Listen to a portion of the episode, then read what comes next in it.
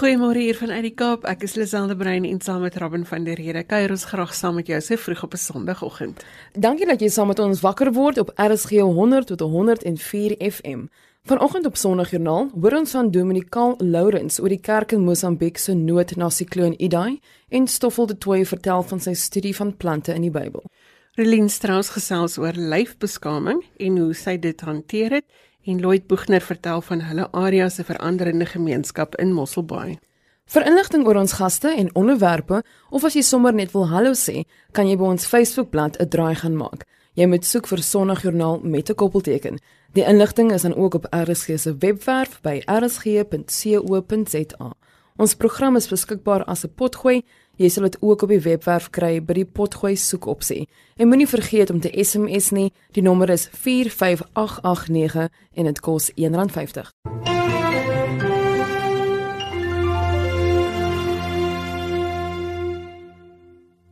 Met die dodetal wat steeds styg in die nadryf van die sikloon Idai, het die kerk 'n groot taak wat voor hom lê. Ons gesels vanoggend met Domie Karel Lourens van die NG Kerk se Oostelike Sinode Hy is die sinodale verteenwoordiger vir Mosambiek. Oor goeiemôre Karel. 'n Goeiemôre, goeiemôre aan al die luisteraars. Waar begin 'n mens na so 'n skrikwekkende gebeurtenis? Weet jy, dit is sekerlik die moeilikste vraag want ek het nou so pas vanoggend ook weer gepraat met een van my kollegas wat nou juist teruggekom het van daar af na die verlede week in die vloedgebied was. En dit is eintlik so oorweldigend en as 'n mens die verhale hoor wat hulle vertel, dan is dit eintlik baie moeilik om te sê waar begin jy, waar los jy omdat die nood so groot is.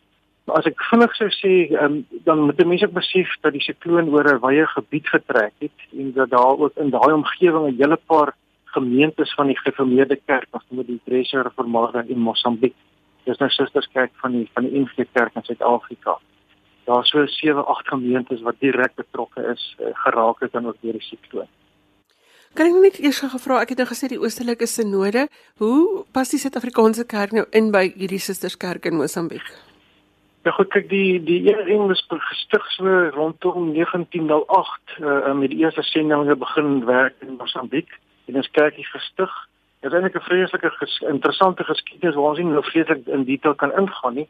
So die die eerste sinode wat 'n mens dan kan noem is op die oudste sinode, dis 'n Potso sinode Uh, dis so aan die grens van Zambië en Malawi en dan die ander uh, die tweede sinode is die Tumbinise sinode. Dis net so suid noordoos uh, en dan suid van Tansanië as ek so kan sê. Die jongste sinode se naam is die Novo sinode en hy suid van die Zambesi rivier. Nou uh, dit is waar die uh, waar ons sinode onder andere betrokke is en van die ander uh, sinodes wat op hierdie noorde van ons land En dis juist daar waar die groot nood nou is. So so ons is direk betrokke by by daai gemeentes wat daar is. Daar's so 21 gemeentes in die sinode en waarvan so 7 na 8 direk weet deur die punte is. Wat is die rol van die kerk wanneer so iets gebeur? Hierdie mense het hulle huise verloor, daar's water oral, hulle het niks.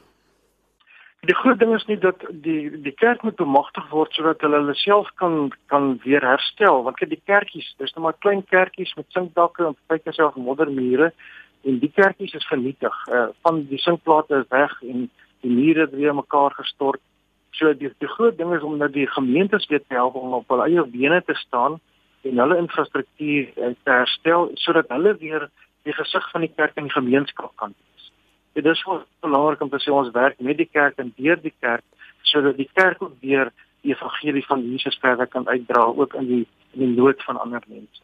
Karel, hoe kan ons as Suid-Afrikaanse medegelowiges nou vir Mosambiek vir Mosambiek bystaan? Kyk, daar's nou uiteraard twee groot dele wat 'n mens kan help. Almal wil altyd weet kan ons goed stuur en jy weet wat van kos en klere en medisyne wat geweldig belangrik is en noodsaaklik is op hierdie stadium. Die krisis daar rondom is dat veral van Suid-Afrika na Mosambiek toe uiteraard omdat mense oor 'n grens moet beweeg, is daar 'n klagering gekry moet word. En van selfs van die groot logistieke maatskappye is dit so voertuie sit baie keer 'n dag of twee net by die grens vas om weer te kom. So van Maputo tot by Beira eh, is dit nog 1000 km. En daardie pad is normaalweg nie baie goed nie, veral van van Vilankulos af. Uh, so om die goedere vervoer te kry tot by Beira en daai omgewing is ook alreeds 'n baie moeilike proses. Uh, soos ek gesê het, 'n kollega wat verlede week al was, hulle het van van Putte afgery uh die Beira omgewing en dit het omtrent 2 dae gevat net gewoon met bakkies. Nou as jy nou met 'n lorry of 'n groot voertuig ry, is dit dan nog 'n groter probleem. So wat ons op hierdie stadium net vir mekaar sê is dat dit amper die maklikste is om finansiële ondersteuning te gee. Dit kan elektronies geskuif word en mense kan dan die goedere in Mosambiek self koop. Dit maak dit vinniger en dit maak dit makliker en op die einde dan stimuleer dit nog so 'n bietjie hulle eie ekonomie ook. So as hulle dan kan goedere koop en dit van daar af makliker versprei, is op hierdie stadium vir ons eh, nog ons eh, die ding wat ons met maklikste kan werk. Is daar egter van hierdie voedselsoorte beskikbaar? Hoe groot is die verspoelings? Met ander woorde sou hulle nog goed kan koop? Ja, ek het nou juis soos ek sê vanoggend met Helen gepraat en hy sê die voorrade is nog daar van die goed dit uiteraard bietjie skade gekry en so met die reën en die dagte wat af is en so, maar dis dis die maklikste manier om nou die weet daar nou op die huidige oomblik ook te verdeel. Kom ons praat 'n bietjie oor die rol wat geloof speel in Mosambiek by hierdie kerkies wat jy ondersteun. Hoe sterk staan die geloofsgemeenskap daar? Kyk, kom ek sê gou vir die interessante ding is as 'n mens nou gaan kyk na 'n omgewing wat ook nou hier heelwat oor die nuus is, die naam Boesie is 'n is 'n klein dorpie wat so 40 km suid van Beira is. En in daai omgewing is ja omtrent 60% van die van die bevolking behoort aan die ERM aan die Gereformeerde Kerk in in, in Mosambiek, die Kreiser Reformade in Mosambiek. So die so die kerk is baie sterk in daai omgewing, nie oral nie, want daai omgewing spesifiek en ehm um, soos ons ook vir mekaar sê, hulle het die infrastruktuur, hulle ken mekaar en hulle uh, maak beslis 'n groot hulle het 'n groot invloed in die gemeenskap. So as ons hulle kan ondersteun, dan dan is die goed daar, die infrastruktuur is daar, die mense ken mekaar en so weet waar die kerke is en so en hulle kan van daar af dan weer die nood verder verpag. Karel, as daar mense is wat uh, julle hande wil sterk maak en wil help om bietjie noodverligting te bring hier by die mense in Mosambiek, vir wie kan hulle kontak? Hulle kan vir my kontak want ek is in Suid-Afrika, dis nie heel maklik. Hulle kan my per e-pos kontak as hulle wil of hulle kan my miskien telefonies op kontak en dan kan ons van daar af die ding verder reël. Ek mens kan miskien daar besonderhede op beskikbaar stel. Ek kan dit van daar per e-pos aan. Karel, wat is jou e-posadres? My e-posadres is crl@telkomsa.net. So dit is crl@telkomsa.net indien jy wil help om die hande sterker te maak in Mosambiek deur die oostelike sinode wat reeds daar werk en wat die mense ken en ondersteun. Karel baie dankie vir die saamgestel vanoggend. Dis 'n groot plesier. Mag die Here ook vir julle seën. Die stem daarvan Dominee Karel Lourens van die oostelike sinode wat gesels het oor die nood van die kerke in Mosambiek.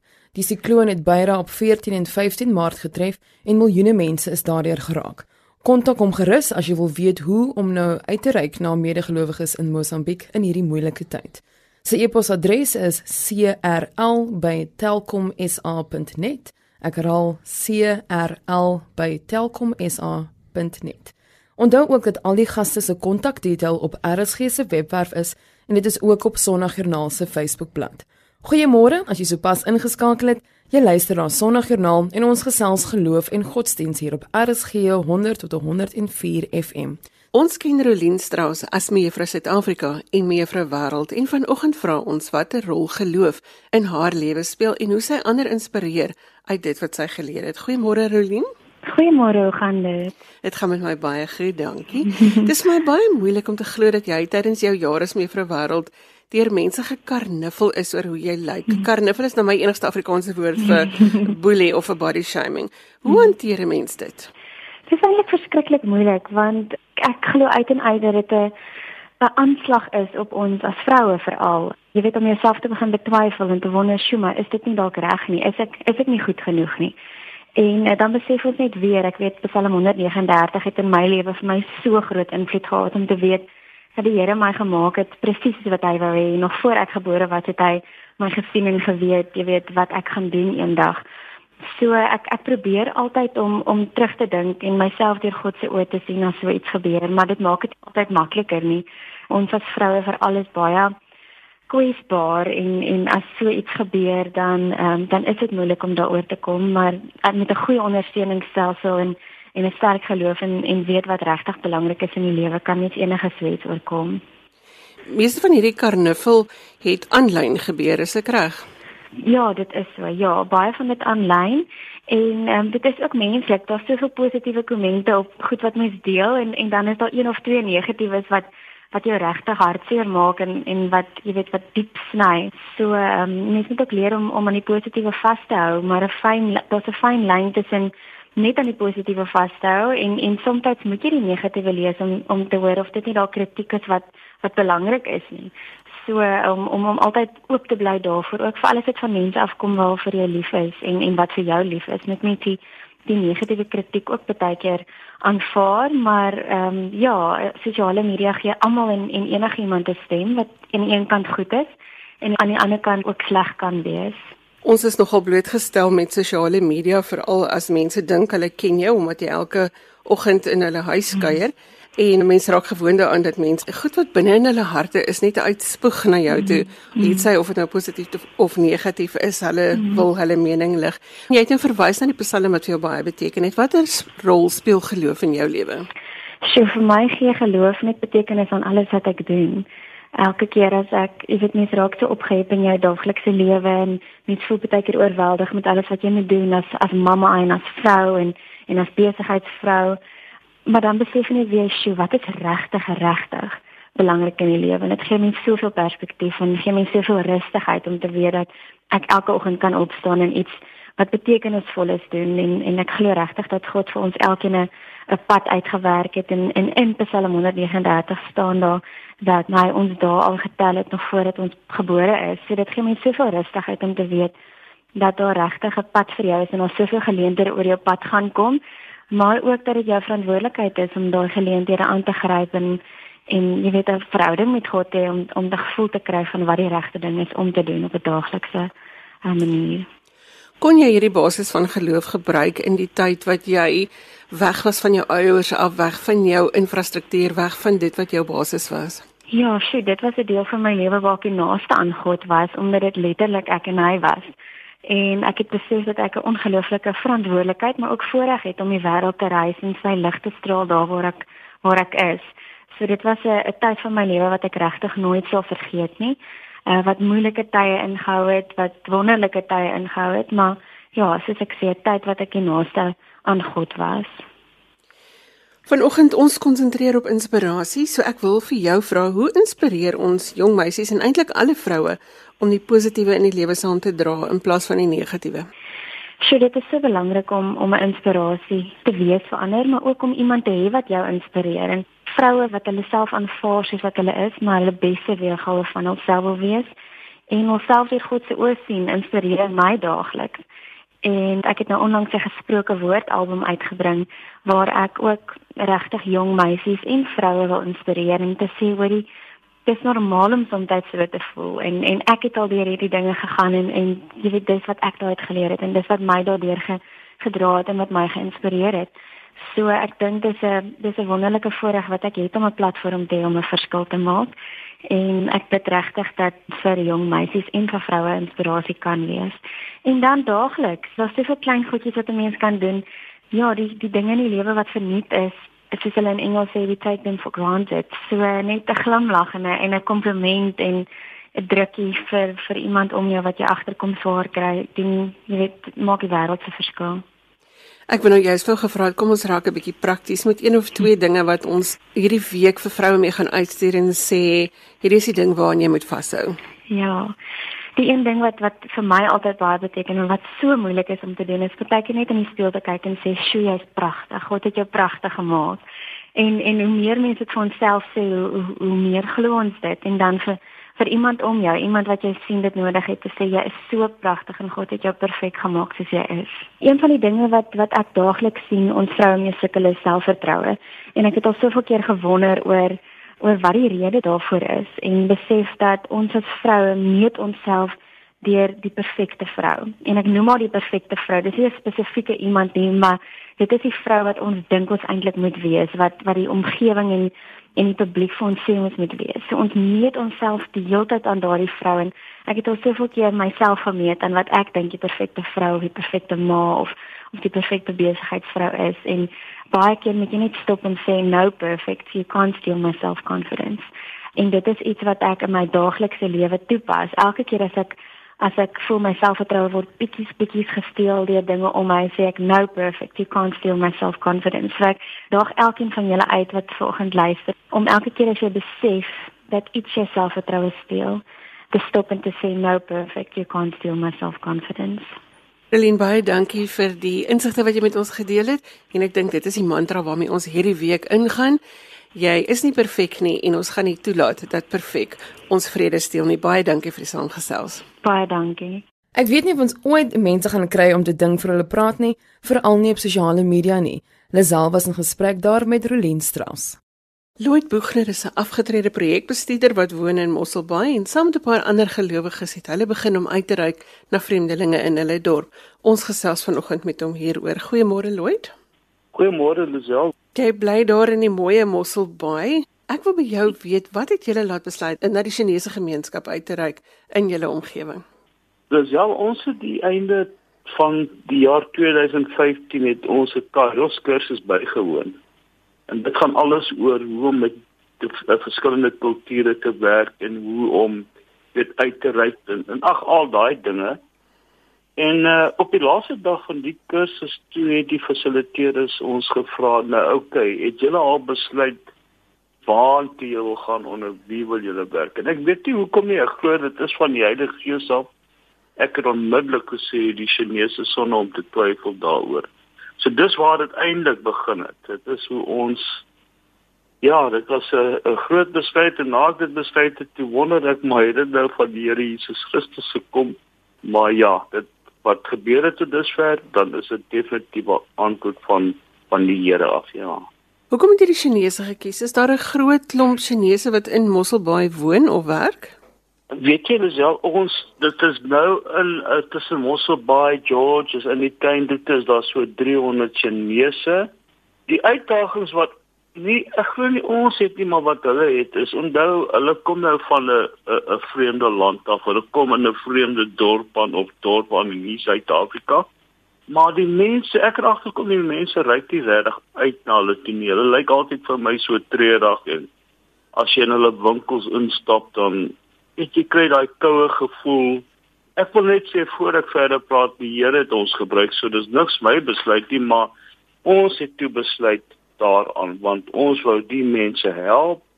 Ons wou na hulle toe gaan en vir hulle sê ons wil julle help. Ons wil julle broers en susters wees as julle kontrakte probleme het of as julle weet 'n uh, uh, lisensie probleem enige probleme wat op uitdagings wat hulle het, wil ons hulle mee help en dit is waarmee ons begin het. Nou as 'n mens so met ander mense werk, is daar sekerlik 'n storie of twee wat vir jou uitstaan wat jy dalk met ons kan deel. Ja, verseker. Op een van hulle ek het nog begin toe ons begin instap by die winkels hier, as jy net uh, begin praat, dan het die een vrou 'n uh, uh, oorstokkie na oor en sê luister nie wat jy sê nie. Maar haar seun kom toe na my en hy sê vir my oom, I need you to help me with my learner's license. Nou dan net hy kan nou nie Engels praat nie. Hy praat net Mandarins. Ek tog ja, wel ek het nou gesê ek gaan hulle help en ek sê vir hom reg, kom. Wat is 'n bietjie gaan gaan praat daaroor. En vir 3 3 solid maande het ons geleer uit die K53 boekie. Ons het gegoogel translate sy taal in my taal. So dit was eintlik ek was 'n bietjie dit het my begin vang. My vrou sê vir my, "Jesus, maar jy het baie geduld." jy moet geduld hê as jy met sulke mense werk. Maar die goeie nuus wat ek wil sê, die dag voor hy vir sy lisensie gaan, het ek die verkeersafdeling in Mosselbaai geskakel en ek het gevra kan hierdie ouetjie sy selfoon in die lokale neem. En die ou het vir my 'n besliste nee gesê. Toe sit ons nou. Toe weet ons nou nie hoe gaan die ouetjie nou verder nie. Môre moet hy sy eksamens neerlê hy kan nie Engels lees nie. En hy het die klein Chinese sê vir my, "Uncle, now we pray to Jesus." En dit is die eerste woorde wat ek hoor hy gebruik Jesus se naam. Want onthou, hulle kom uit 'n heel ander geloof in dit. En ons het gebid. Hy het sy oë toegemaak. Hy het sy sy arm, sy handjie so voor sy mond het gevou en en ons het regtig gebid dat die Here vir hom hierdie Engels kan laat lees. En Lisel toe ons amen sê, maar, maar dit was 'n passion preek. Dit was amen sê te sê hy het amen Jesus. I am going to read in English. Toe vat hy daai vraestelle en hy lees alles in Engels, né? Vir my was dit net 'n massive massive wonderwerk wat daar gebeur het. Hy het die volgende dag gegaan, sy lisensie gedoen en hy het net 3 uh goede verkeerd ge, gekry. So hy sê eerste keer wat hy gaan het het hy sy leerling lisensie deurgekom en to me that was a that was a miracle daai gewees. Hmm, sonder om te kan Engels praat. Sonder om Engels te kan praat, maar hy kon dit op een dag leer om te lees deur die deur die um leiding van die hele Heilige Gees, hoor. Lloyd, hy kon nie, maar hy het. Hoe lyk die toekoms vir julle projek? Ons toekoms is nou net sê as jy nog ons het al vier uh funksies vir hulle gereël ons het die beginfunksies met hulle uitnodigings gegee in net die Engelse taal, maar toe ons dit in hulle taal vir hulle begin uitnodigings uitstuur, né. Toe was dit 'n hele ander storie. Op die laaste een wat ons gehad het was Maart 2019. Daar het so 85 mense gekom en ons het dit totaal en alle 'n spiritual geestelike aanval gedoen. Anderswoorde, ons het gebid vir die Jesus, ons het gehoorship en vir vir die Lord en tot hulle het Christelike liedere gesing in hulle taal. So dit was vir my net elke dag hulle net beter en beter en beter. Wat maar maar jy vra my nou vir die toekoms. Die toekoms. Ons is so gewonde. Daar is 'n paar van hulle nê wat regtig die Here al leer ken het wat so die pad wat ons met hulle stap. Hulle wil net gedoop word en hulle wil weer aangeneem word deur deur Jesus Christus. Maar ons het vir hulle gesê ons ons moet julle eers leer daaroor. So op hierdie stadium in die nuwe skoolkwartaal gaan gaan ons hulle lesse gee. Ons gaan hulle aanneem en voorstel in ons gemeente en dan gaan vier van hulle gedoop wees. Ons droom is ook en ons wil 'n nuwe Chinese gemeente in Mosselbaai begin. Ons het klaar 'n pastoor Chinese pastoor wat dit wil doen. So dit is ons wense nou, maar hulle ek, ek kan nie glo nie die die Chinese is heeltemal 'n ander mens hier in Mosselbaai en in George. Hoor. Hulle vriendelikheid en al daai goed. So ja, ons glo die Here is besig om te werk. Ons glo daar gaan groot Chinese congregation wees hier in die in die tuinroete. Ons gebede. Lloyd baie dankie dat jy 'n stuk van julle werksamehede daar in Mosselbaai met ons gedeel het vanoggend. Dankie vir die saamgesels. Ag baie dankie. En ek wil net baie dankie sê vir julle hoor en ons luister elke Sondagoggend en ek wil ook net vir al die mense wat my komitee dien ook baie baie baie dankie sê. Lloyd Buchner is 'n luisteraar van Mosselbaai wat vertel het oor hulle veranderende gemeenskap. Jy is ingeskakel op Sondagjoernaal en ons gesels met mense oor hulle belewenis van godsdiens en geloof. Stoffel de Toey het afgetree op Hermanus en aftree beteken vir verskillende mense verskillende dinge. Stoffel se belangstelling lê by die plante van die Bybel en hy vertel ons meer hiervan vanoggend. Goeiemôre Stoffel. Goeiemôre Lisel. Dit is 'n vreugde en goeiemôre aan al die luisteraars. Dit is altyd lekker om na julle te luister en dit is 'n vreugde om hier by julle te wees. Stoffel, waar kom jou belangstelling in die plante van die Bybel vandaan? Lisel, so 'n uh, klompie jare gelede het ek eendag gelees en ek lees Eksodus 30 vanaf vers 34 tot 35. Daar staan en die Here het verder vir Moses gesê maak vir jou 'n spesiale wierookoffer. Die ou vertaling praat van 'n reukoffer en daar staan vat die volgende geurende speserye in gelyke hoeveelhede: hars, nalkies en galbanum en suiwer wierook. Berei dit as 'n wierookoffer. Meng dit soos 'n vakman dit doen. Dit moet vir jou besonder gewyd wees. Niemand anders mag dit volgens hierdie voorskrif vir hulle self maak nie. Dit moet gewy wees aan die Here. En dit het my belangstelling geprikkel en dit het gelei tot 'n studie van meer as 10 jaar oor die plante van die Bybel. Het jy toe van hierdie kruie begin meng om te kyk of dit lekker ruik? Weet jy uh Lisel, ek het nie van die krye gemeng nie, maar ek het dit nagegaan en gaan opsoek en baie oproepe gemaak en plekke besoek en van dit in die hande gekry. maar na die verskillende plante ook kyk. 'n Mens lees so maklik bo oor die verwysings na die plante in die Bybel. Hoeveel plante word in die Bybel genoem? Weet jy, daar word so ongeveer 150 verskillende soorte plante genoem met heelwat onderafdelings want 'n mens kry nou druiwe en dit word onderverdeel in rosyne en druiwesap, asyn en wyn. Koring word verdeel in meel en brood. En dan word bome ook onderverdeel in hout, blare, bas en wortels en so aan. Nou ek het gevra ons 'n bietjie kyk na Paasfees, dis binnekort op ons kalenders. Is daar plante wat spesifiek met Paasfees verband hou? O ja, as ons na Paasfees kyk, dan is daar die eerste een wat in my gedagte opkom is Eksodus 12, toe die volk Israel gereed gemaak het om uit die uit Egipte te vertrek.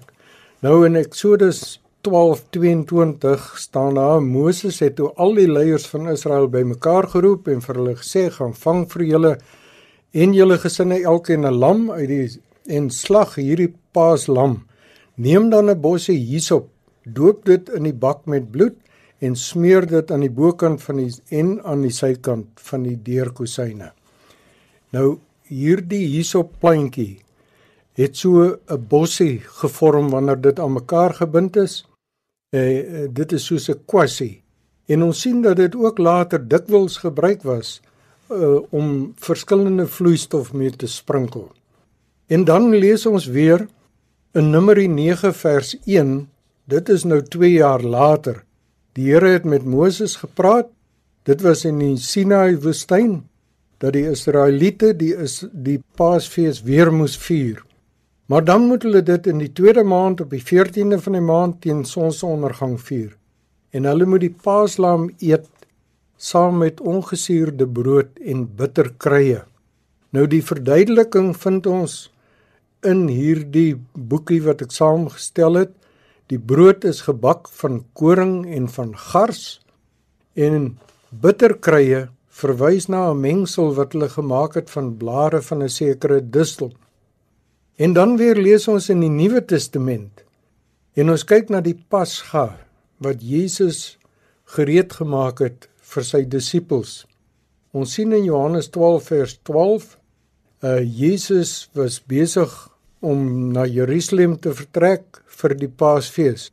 Die volgende dag het 'n groot menigte feesgangers toe hulle hoor dat Jesus na Jerusalem kom, palmtakke geneem, uitgegaan en hom tegemoet geroep. Hosanna geseënd is hy wat kom in die naam van die Here, die koning van Israel.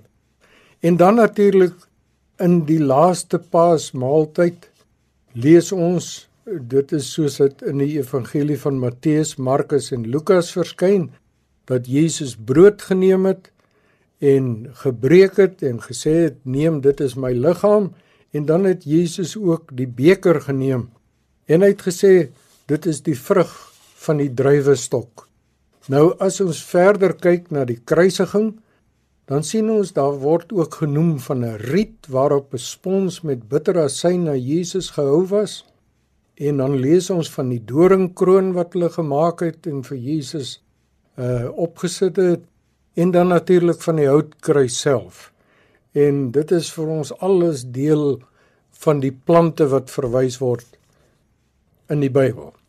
Jy word verwysings as 'n mens mooi konsentreer dan lees jy hierdie goed raak. Ek het vergeet van die riet waarop die spons vasgebind is. Wat beteken die plante vir ons geestelike lewe? Wat moet ons met al hierdie verwysings in die Bybel doen na plante? Lisel, weet jy die Bybel leer ons dat God deur die natuur met ons praat. Psalm 19 vers 2 sê: Die hemel getuig van die mag van God en die uitspansel maak die werk van sy hande bekend. Die een dag gee die berig deur aan die ander en die een nag deel die kennis aan die volgende mee. Sonder spraak, sonder woorde, onhoorbaar is hulle stem. En tog gaan daarvan 'n boodskap uit oor die hele wêreld en hulle taal bereik die uithoeke van die aarde. En dis ook van toepassing op die plante.